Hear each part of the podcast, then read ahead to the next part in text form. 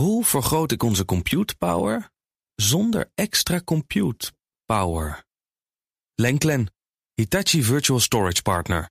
Lenklen, betrokken expertise, gedreven innovaties. Update. Met Matt, Matt Zakkerman vandaag. Hey, Matt. Hey, goedemiddag. Ja, de klacht van de dag. Twitter-gebruikers worden doodgegooid met Elon Musk zelf. Ja, de baas van Twitter. En als je dan op Twitter zit, dan zie je opvallend vaak zijn tweets in één keer langskomen op je tijdlijn. En dat is dus niet als je hem volgt alleen, maar ook als je hem niet volgt. Aha. Dan, eh, ja, dan staat je hele tijdlijn vol met tweets van hem. Eh, en dat is grappig. Dat zou komen door een eh, aanpassing in die systemen. En vorige week heeft Musk een van de beste ontwikkelaars van Twitter de laan uitgestuurd. En de reden daarvoor, ironisch genoeg, was omdat hij ontevreden was over de zichtbaarheid van zijn eigen tweets. Dus hij zei: hè, ik, ik heb het gevoel dat mijn tweets niet bij je mensen terechtkomen. Dat Ja. 95% van mijn berichten niet te zien zijn. Overigens gaf hij daarvoor geen enkel bewijs. Oh, de Nou, mensen reageerden gewoon niet op hem. En ja, dacht, precies. Ja. En dat probleem lijkt nu verholpen. Maar het is wel een beetje overcompensatie wat er nu gebeurt. Want nu overspoelt mensen hun tijdlijn dus met tweets van Elon Musk. Eh, veel mensen klagen er ook over. En inmiddels heeft hij erop gereageerd. Hij heeft gezegd dat het om een fout gaat, een probleem met het algoritme. En dat dat snel wordt opgelost. Maar goed, misschien eh, eh, zaten ze er gewoon achter. En was dit een reactie op dat hij eerst te weinig zichtbaar was. En eh, dat is een beetje gebackfired. volg jij hem?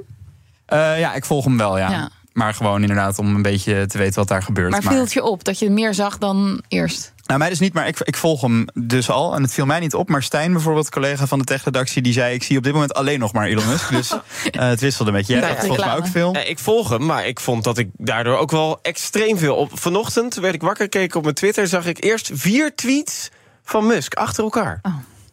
En dan Viaplay. Viaplay laat nog steeds groei zien in de cijfers. Ja, afgelopen kwartaal groeiden ze naar 1,2 miljoen abonnees. Daarvoor waren dat er een miljoen, dus ze kregen er 200.000 bij.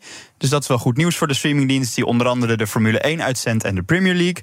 En die groei was dus ondanks dat het Formule 1 seizoen erop zat... en ook ondanks de concurrentie van het WK in Qatar... wat afgelopen kwartaal was. Ook al zagen ze daardoor wel tijdelijk wat meer opzeggingen in die periode. En het totaal aantal abonnees van Viaplay... is in de 11 landen waar het op dit moment beschikbaar is... ook toegenomen met bijna 900.000... naar in totaal 7,3 miljoen. Dus dat is allemaal wel positief. Maar het is niet alleen maar goed nieuws, want winst werd er nog niet gemaakt. Het Zweedse bedrijf maakte 22,5 miljoen verlies. Kwam onder andere omdat er minder tv-reclames werden verkocht.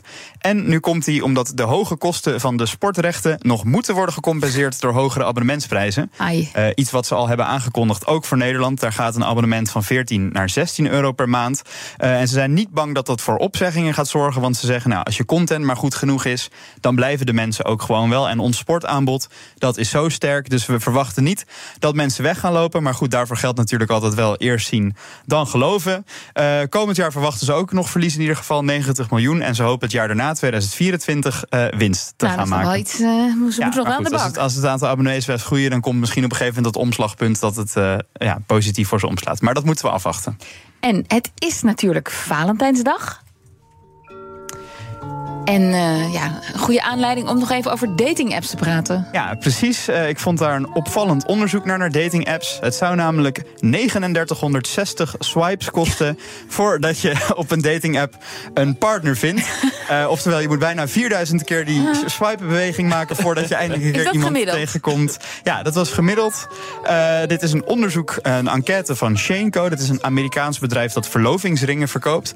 Dus die eh, vroegen dan aan mensen die net een partner hadden gevonden om even die enquête in te vullen. Duizend Amerikanen ondervroegen ze hiervoor. En op basis van die antwoorden en hoeveel swipes je dan in een minuut maakt en hoe vaak je op de app zit, kwamen ze op dit forse getal van 4000 swipes.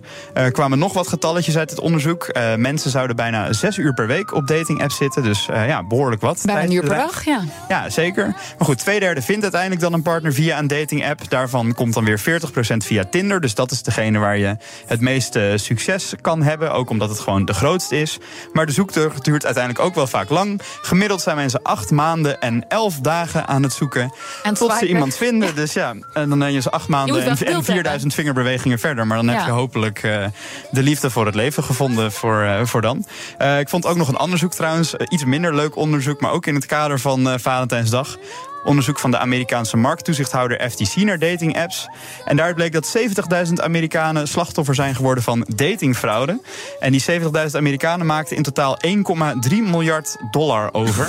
Uh, dus ja, we eindigen toch een beetje ja, niet in heel gezellig, mineur op uh, deze Valentijnsdag. Dus, ja. En ook dan te weten dat vanavond weer allemaal mensen ergens intrappen. Ja, precies. Maar goed, dus als je swipet uh, tussen die 4000 keer, pas op dat je dan niet uh, bij een fout terecht Heb jij nog plannen vanavond, vandaag? Toevallig wel. Oh, kom morgen vertellen. Dat is de cliffhanger.